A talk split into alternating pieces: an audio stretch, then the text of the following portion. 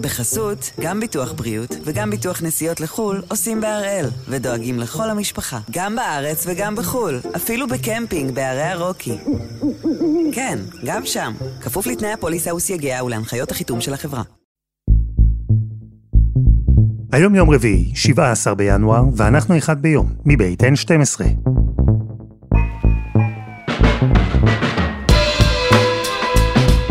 אני אלעד שמחיוף ואנחנו כאן כדי להבין טוב יותר מה קורה סביבנו, סיפור אחד ביום, בכל יום.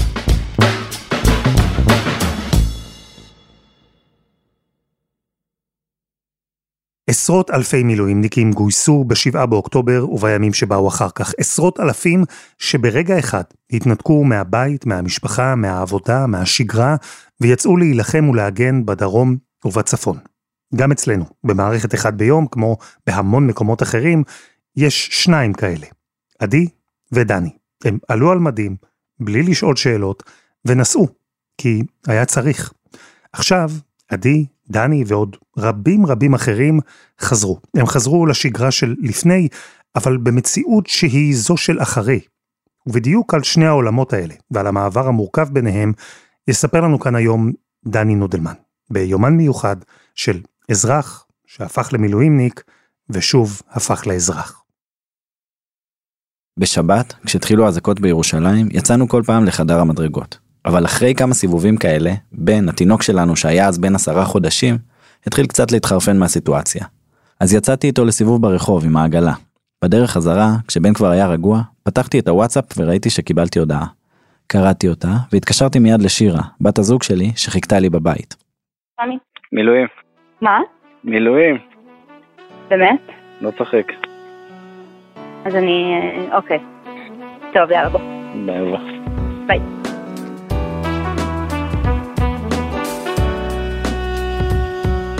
יצאנו מהר והורדנו את שירה ואת בן אצל ההורים שלה.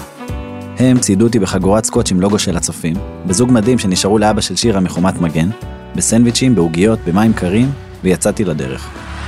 בדרך צפונה על כביש 6, שמתי לב שכמעט בכל הרכבים שסביבי נוהגים חיילי מילואים שהוקפצו. רוב הזמן הייתי בשקט. לא ממש ידעתי מה לעשות עם השקט הזה והמחשבות, אז פשוט התקשרתי לחברים מהצוות. מה קורה אחי? מה נסגר אחי? מה זה השטויות האלה? אתה מבין? נודל, אנחנו העלינו השערה אחי. נו, שאתה קפצת על ההזדמנות ללכת למילואים כדי לא לתת עכשיו פוש נוטיפיקיישנס עכשיו שב-N12 שם על הדרך. אמרת במילואים לפחות אני אנוח. איפה אתם? אנחנו מגיעים עוד אה, כמה דקות. איפה אתה? בכביש 6, נראה לי ייקח לי 50 דקות, משהו כזה. בסדר, לאט לאט, סע בזהירות, בלי לחץ. הבאת לנו את הספר של עמית סגל, שנקרא אותו? בדיעבד זה קצת מוזר לשמוע את עצמי צוחק ברגע שאני יודע שהוא מאוד קשה, גם לי וגם לכל המדינה. אבל השיחות האלה, הדחקות, הזכירו לי את הדרך שלנו בצוות להתמודד עם כל מה שדפוק.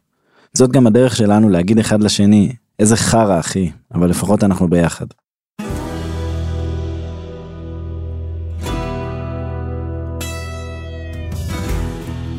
פלוגת המילואים שלי מורכבת בעיקר מיוצאי פלחן גולני או גבעתי. הצוות שלנו הוא הכי ותיק, ויש אצלנו גם כמה חבר'ה מהנדסה ומעוד מקומות. יש כמה שעברו אפילו די מזמן את גיל 40, אבל עדיין ממשיכים להתנדב. ומגרש הבית שלנו הוא הצפון, גבול לבנון. ואני חייב להודות, גם בשירות הסדיר שלי וגם בעשור של מילואים, אף פעם לא באמת התחברתי לקונספט הזה של להיות חייל. תמיד עשיתי מה שצריך, אבל תמיד גם רציתי לסיים עם זה כמה שיותר מהר, ולחזור לחיים הרגילים. אפילו התלבטתי כמה פעמים אם למצוא איזו דרך להשתחרר מהמילואים כבר עכשיו. והנה, פתאום אני מתגייס שוב לצבא, והפעם בלי תאריך סיום.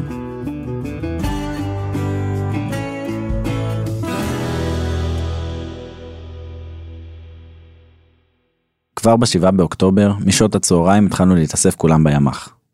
זה מחסן גדול כזה באמצע שום מקום, מעין האנגר עם גג מפח, שבו מחכה לנו הציוד ליום שנצטרך אותו. קיבלתי נשק, אפוד, שכפ"ץ ותיק גדול עם ציוד בתוכו ועברתי למצב המתנה.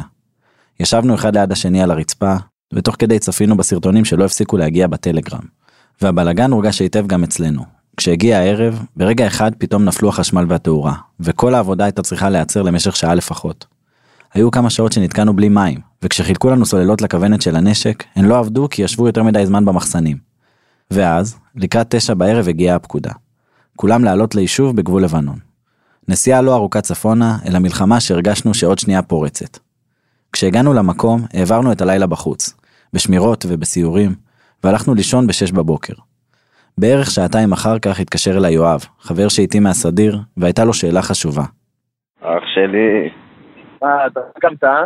כן, כי היינו, היינו ערים מלא זמן, אחי.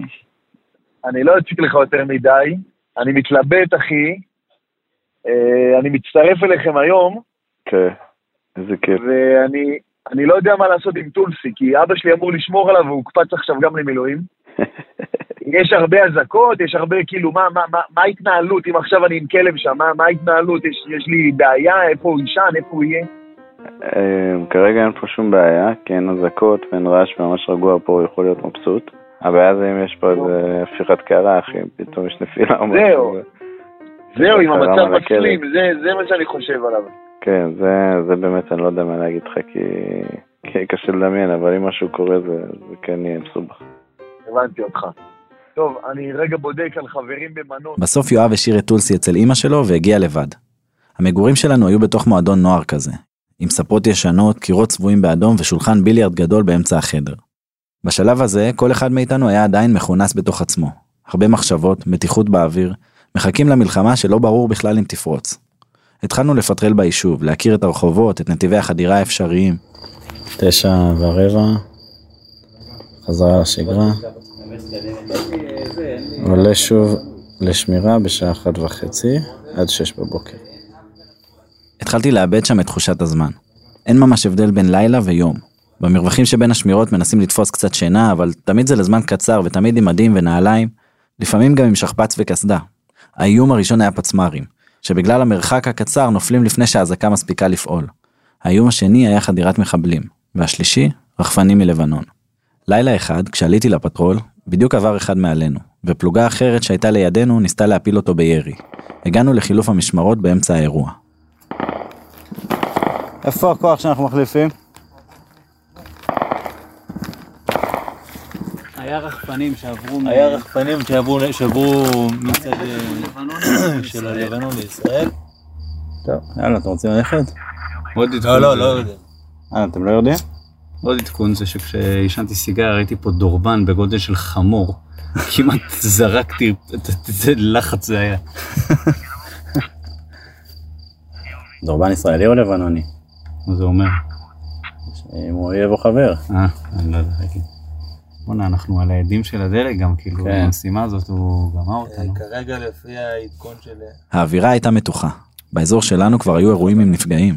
הסמח"ט שלנו, שלא הכרתי, סגן אלוף עלים עבדאללה, נהרג בהיתקלות ממש בהתחלה. אז הרגשנו שזה רק עניין של זמן עד שזה יגיע גם אלינו. כשחזרתי מאחת השמירות ניסיתי לברוח קצת, להירדם. אבל רגע אחרי שעצמתי עיניים, פיצוץ מטורף שהרגיש ממש מעלינו העיר אותי. חבר'ה, להיות דרוכים, סופר דרוכים. אה, תדרכו כבר עכשיו, כי יש פה... אה, אוקיי. פתאום פצמרו את כל הזה, והיה אזעקה ובומים ויירוטים ונפילות והכל זה.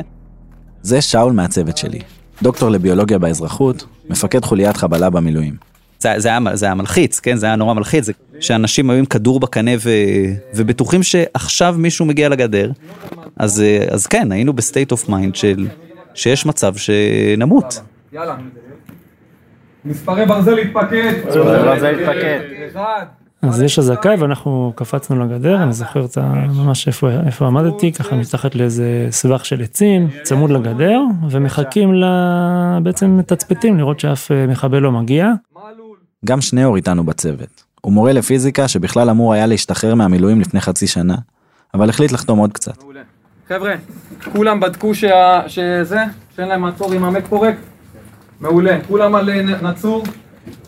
סבבה. אנחנו עכשיו אה, נפרס, ניפרס לפי, לפי כיתות, לזהות תנועות חשודות, אה, ניפרס בשכיבה, כיתה א', באיזה מקום עוד מעט אני... אמ, אני זוכר גם משהו נורא חזק, משהו אמוני כזה, או חוויה דתית, אולי תקרא לזה. מתישהו אתה עומד ומתצפת, אבל אוקיי, בעצם לא, לא עושים כלום, יושבים ומסתכלים. אז אמרתי, טוב, נתפלל, אני... מה יהודי עושה כשהוא בצרה, כשהוא בסכנה, מתפלל.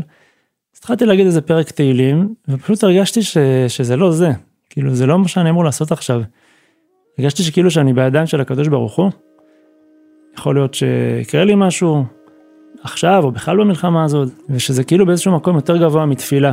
אה, המקום הזה של, של להיות במקום שאני צריך להיות ולהאמין ולבטוח בזה שאני בידיים של הקדוש ברוך הוא. באמת לא הפסקתי את התפילה והרגשתי משהו מאוד מאוד אה, כאילו מחובק כזה. יום רביעי,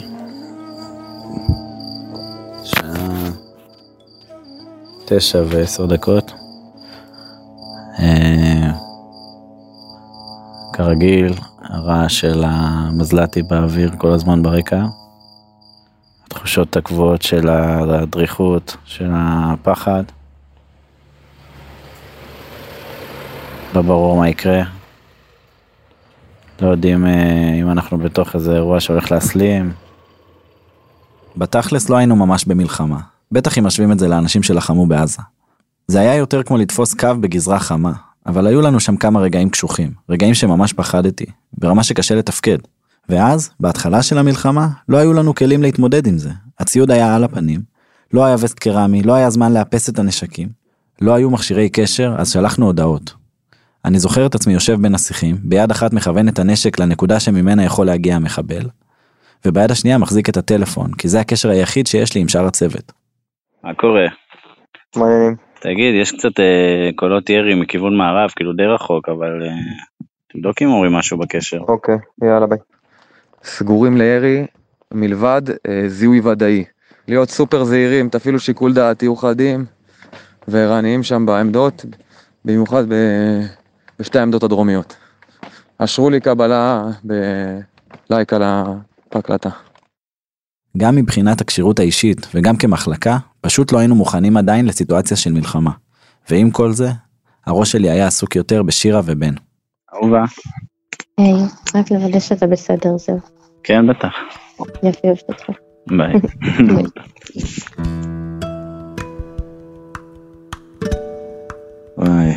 אכלתי מיל- מיליון פיצות עכשיו. בלעדיי. היית נהנית, יש פה 900 מגשים.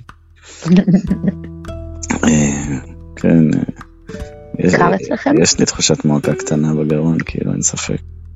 ממה?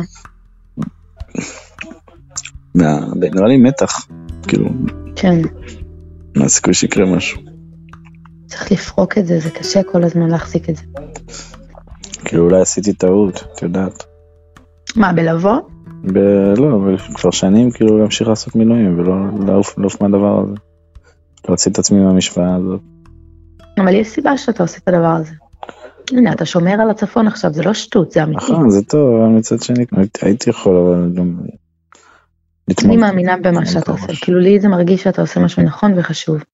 אני באמת חושבת, אני באמת מרגישה עכשיו איך... אה, כן, אבל הדבר הכי חשוב בעולם זה בן ואת. נכון, אבל אנחנו מוגנים. אם לא היינו מוגנים, או אם היינו לא, גרים יקרה לי בדרום, לא משהו, היית יכול אז- ללכת. אז זה פוגע בך ובבן. לא יקרה לך כלום, כי אתה יודע להילחם, ואני ובן בסדר. וזה חשוב לשמור על המדינה, כי אנחנו המדינה. כי אם לא יהיה לנו איפה לגור, אנחנו נצטרך ללכת מפה, זה יהיה חרא מאוד. אז זה טוב מה שאתה עושה, אני מאמינה במה שאתה עושה, באמת כן. המחשבות על המשפחה העסיקו אותי כל הזמן. וזה לא רק אני, חלק גדול מהצוות הוא חבר'ה נשואים, עם משפחות שהשאירו את בנות הזוג שלהן מאחור עם הילדים. הקושי הגדול, אה, הקושי הגדול גם בעיניים שלי, כן, לא, לא יודע אם להגיד את זה בצורה אובייקטיבית, אבל בטח בעיניים שלי ובזוגיות שלנו, בתא המשפחתי שלנו, זה לדעתי לה היה הרבה יותר קשה ממה שלי. זה שוב שאול מהצוות, נשוי באושר למורן ואבא לשלושה. כי בסוף אני, אם אני חייל אז אני עושה מה שאומרים לי לעשות. אני מגיע, אומרים לי תלך לפה, אני הולך לפה, אומרים לי זה לא, זה כאילו אין לי בחירה. והיא שנמצאת בעורף, באופן כללי אנשים שנמצאים בעורף, לא רק היא, אז אה, הם נמצאים באיזה סטרס מטורף ממה שקורה, והרגשה של אה, חוסר אונים, ומאוד רצון לעזור, כולם עם רצון לעשות דברים. אני כאילו לא צריך את הרצון הזה, כי אני עושה, אני גייסו אותי, אני כאילו הרווחתי, אני, הנה, מישהו אחר בא ואמר לי, תהיה בתוך המערכת ואתה מאוד עוזר, כי אתה חייל וזה. אז נראה לי שהרבה יותר קשה להיות בעורף מאשר, ב, מאשר במילואים, כן? בעיניים שלי לפחות. היציאות הראשונות שלנו היו ל-24 שעות. אז מצד אחד זה כיף גדול לקפוץ הביתה, להיות עם המשפחה ולנשום קצת אוויר. אבל מצד שני זה סיפור מורכב. הבית מסתדר כבר בלעדיך, מצאו איזו שיטה כדי לא לקרוס, הצליחו להתייצב קצת, ואז אתה מגיח לרגע, מוציא את כולם מאיזון ומיד עוזב שוב. שני אור ואשתו נעמי, הורים לארבעה ילדים, חוו בדיוק את זה. משהו במבנה של הזוגיות, של הבית, קצת משתנה, פתאום, כן, הבית הוא, הוא בלעדיי, הוא מתנהל בלעדיי, ואני מין אורח שיכול טיפה לערער שם את המצב. אשתי באיזה החזקה מסוימת, ואני מגיע, אז uh, היא לא יודעת מה, איך לעשות, מה, מה לעשות עם עצמה. היא צריכה להחזיק, שהיא יכולה לשחרר, אבל אם היא תשחרר, עוד שנייה אני אלך. והיא צריכה עוד פעם להחזיק. השיא היה שבאיזשהו שלב, בהתחלה לא... למדנו את זה גם ביציאה השנייה או השלישית, אשתי אמרה לי, תשמע, אם זה לא יותר מיומיים, אז אל תבוא. אמ, עכשיו היא אמרה לי, תשמע, היא לא באמת מתכוונת לזה, כן? תבוא. אבל אה, זה היה לה קשה, אה, אז אה, זה היה לי קשה לשמוע את זה, אני זוכר. ואז כשאתה חוזר לצבא יש עוד בעיה, אין כמעט רגע לבד, ואין כמעט פרטיות. אם יצאת מהחדר והכפתור בכיס של החולצה שלך פתוח, שלושה אנשים יעירו לך בתוך כמה שניות. למה זרקת את הקרטון הזה? למה אתה שופך פה את המים של אתונה? חם מדי לפליז, אחי. יש לפחות שלושה סרטונים או הקלטות שלי נוחר, אפילו שאני בכלל לא נוחר. לא, הוא לא נוחר. גם כשאתה במקלחת או בשירותים, תמיד יש מישהו שמחכה בחוץ להיכנס אחריך. וזה יכול להיות קצת קשוח. אז לפעמים שמירה לבד באה ממש בטוב. אבל מצד שני, כל הביחד הזה הוא גם מאוד מאוד כיף, ובלעדיו אני חושב שהייתי משתגע. אתה מרגיש כל הזמן שאתה חלק מאיזה מולקולה, וששומרים עליך. פעם אחת כשהיה לי יום רע, שמעתי את שאול אומר לחבר אחר מהצוות מאחורי הגב שלי, שים לב לנודלמן, נראה לי שעובר עליו משהו. בפעם אחרת, באחת השבתות, ישבתי לבד בשמירה ופתאום הגיע חבר מהצוות עם מגש עמוס בדברים טובים. סלט מושקע עם אבוקדו, חביתה, גבינות, פיתות וטחינה. אחר כך גיליתי ששניאור בעצמו פיזר אגוזים למעלה כדי לתת את הטאץ' הסופי. וככה, בשלב מסוים, נהיה פחות נורא להיות רחוק מהבית. כי יש משפחה בבית, אבל יש משפחה גם בצבא. זה באמת להיות כל כך הרבה זמן עם, עם אה, כל כך מעט אנשים, כי אנחנו לא המון, ו, ובקשר שהוא מאוד אינטימי, כי אתה נמצא עם רוב האנשים, אתה תהיה איתם ב, ב, במשך שבוע מסוים, אתה תהיה עם רוב האנשים כמה שעות ואחד על אחד, שזה משהו שהוא לא קורה לי עם אף אחד אף אף פעם בחיים כאילו עם, עם בזוגיות שלי עם מורן אני יושב איתה כאילו כל יום אנחנו כזה מסיימים את היום אנחנו יושבים לא יודע מה שעה יחד דברים אני יושב עם אה, לא יודע מה עם אה, סטרול שאני לא זה בן אדם שאני בקושי מכיר ארבע שעות כאילו ו, ואני מדבר איתו וזה. אני בכלל אני לא חושב שאי פעם היה איזשהו ויכוח על אה, שעות שמירה או למה הוא עלה ולמה לא מחליפים אותי להפך אנשים כל הזמן מאוד מאוד פרגנו. עזוב אני אשמור, עזוב, אני אקום, עזוב, אה, ת, כבר תישאר במיטה, אני כבר אשאר עוד שעה, כל הזמן, וזה מדבק, כאילו, אתה עושה את זה למישהו אחר, מישהו אחר עושה את זה לך, אז אני מגיע להחליף מישהו בעמדה, ובמקום ללכת לישון, הוא פשוט נשאר איתי איזה שעה, שעתיים, יושב ומדבר איתי, כי זה כיף לנו להיות ביחד.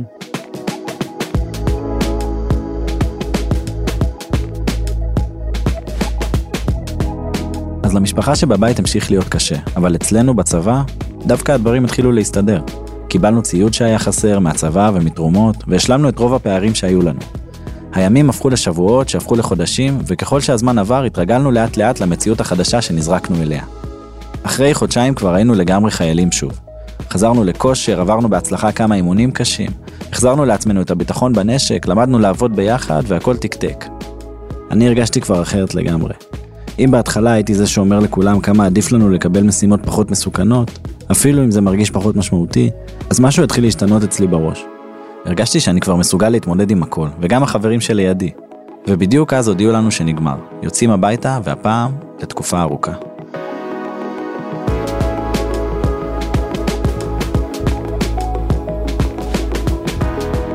חסות אחת, וממש מיד חוזרים.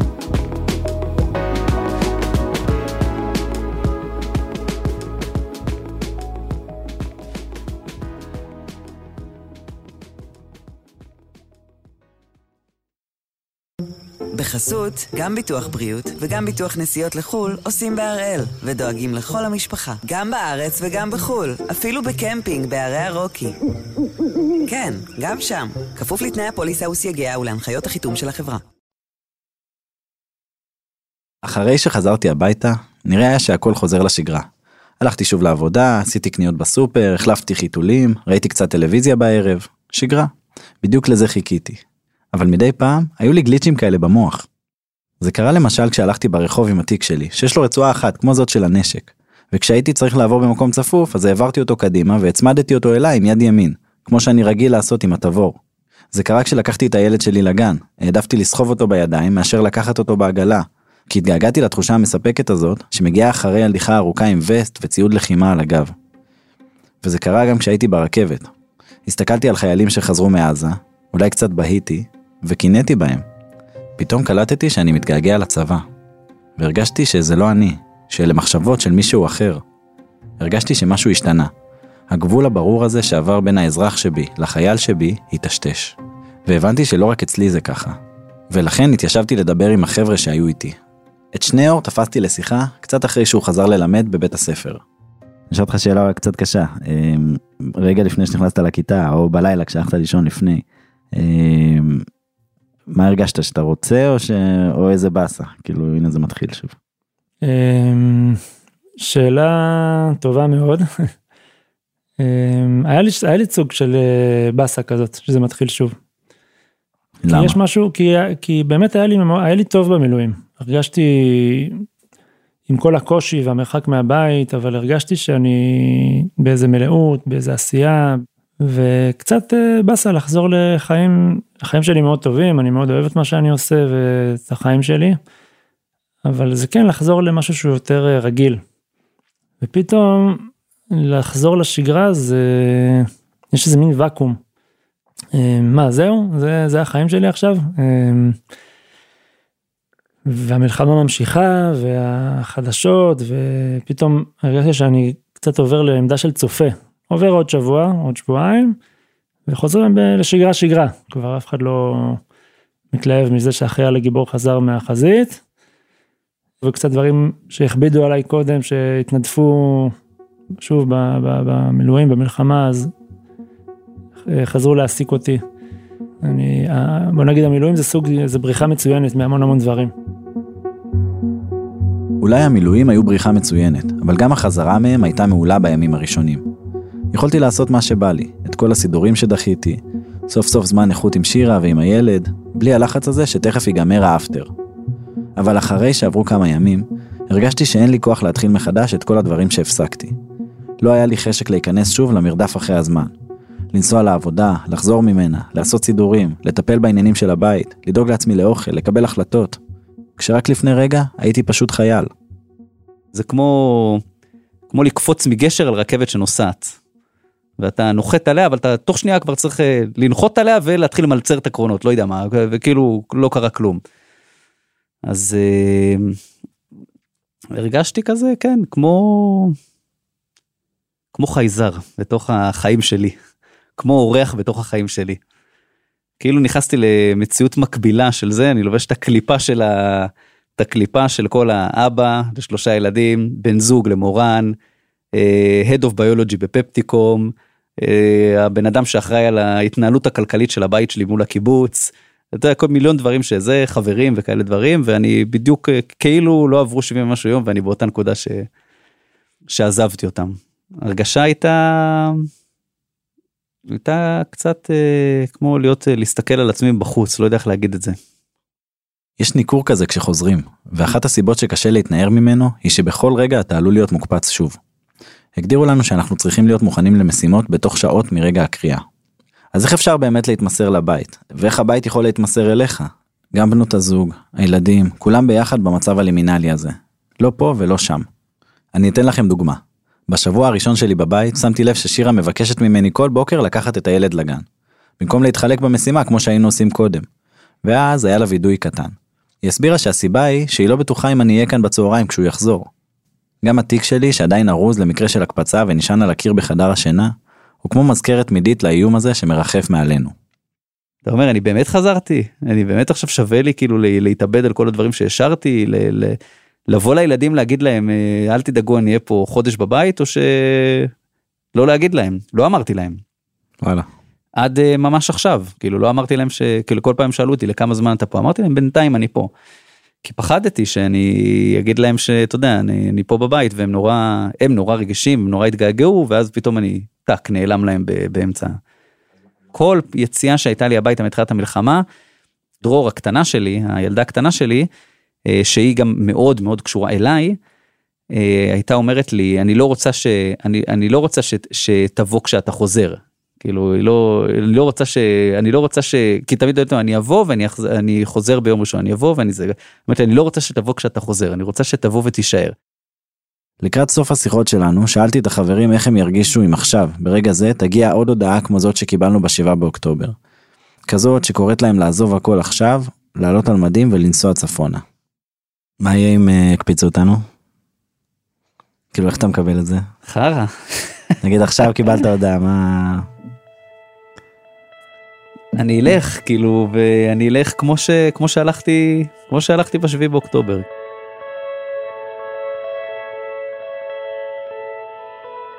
התשובה של שאול לא הפתיעה אותי, כי ידעתי שהוא כבר מיצה את העסק, אבל שניאור הרגיש קצת אחרת ממנו. וואו. אמ, האמת שיש בזה איזשהו סוג של שמחה, אני רוצה לדמיין אותי.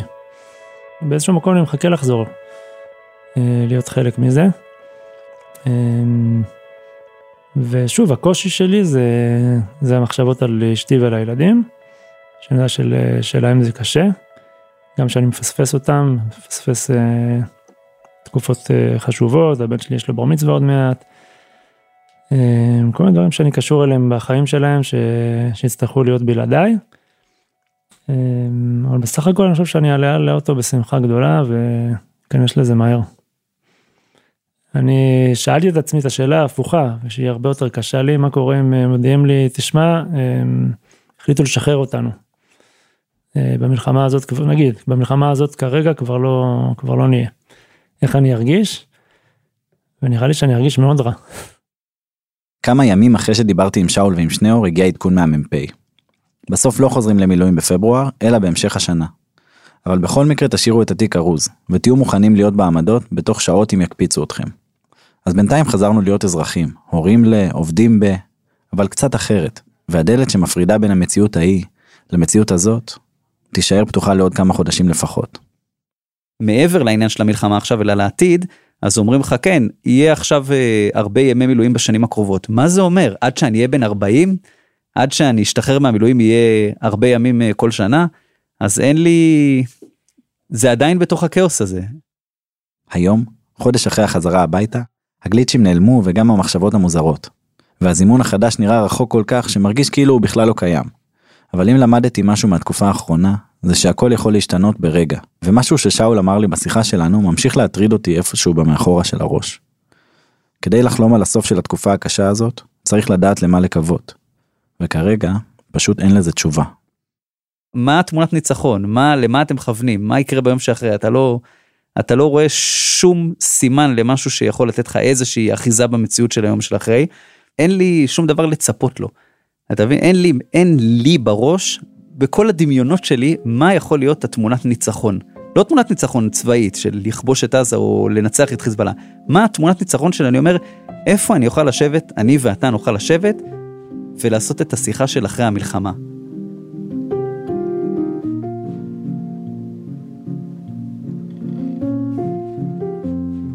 וזה היה אחד ביום של N12. תודה גדולה לדני נודלמן ולכל מי שהשתתף בפרק. תודה גם לשרה טוכשניידר ממרכז משאבים. אנחנו מחכים לכם בקבוצה שלנו בפייסבוק, חפשו אחד ביום, הפודקאסט היומי. העורך שלנו רום אטיק, תחקיר והפקה שירה הראל ועדי חצרוני, על הסאונד יאיר בשן שגם יצר את מוזיקת הפתיחה שלנו, אני אלעד שמחיוף ואנחנו נהיה כאן גם מחר.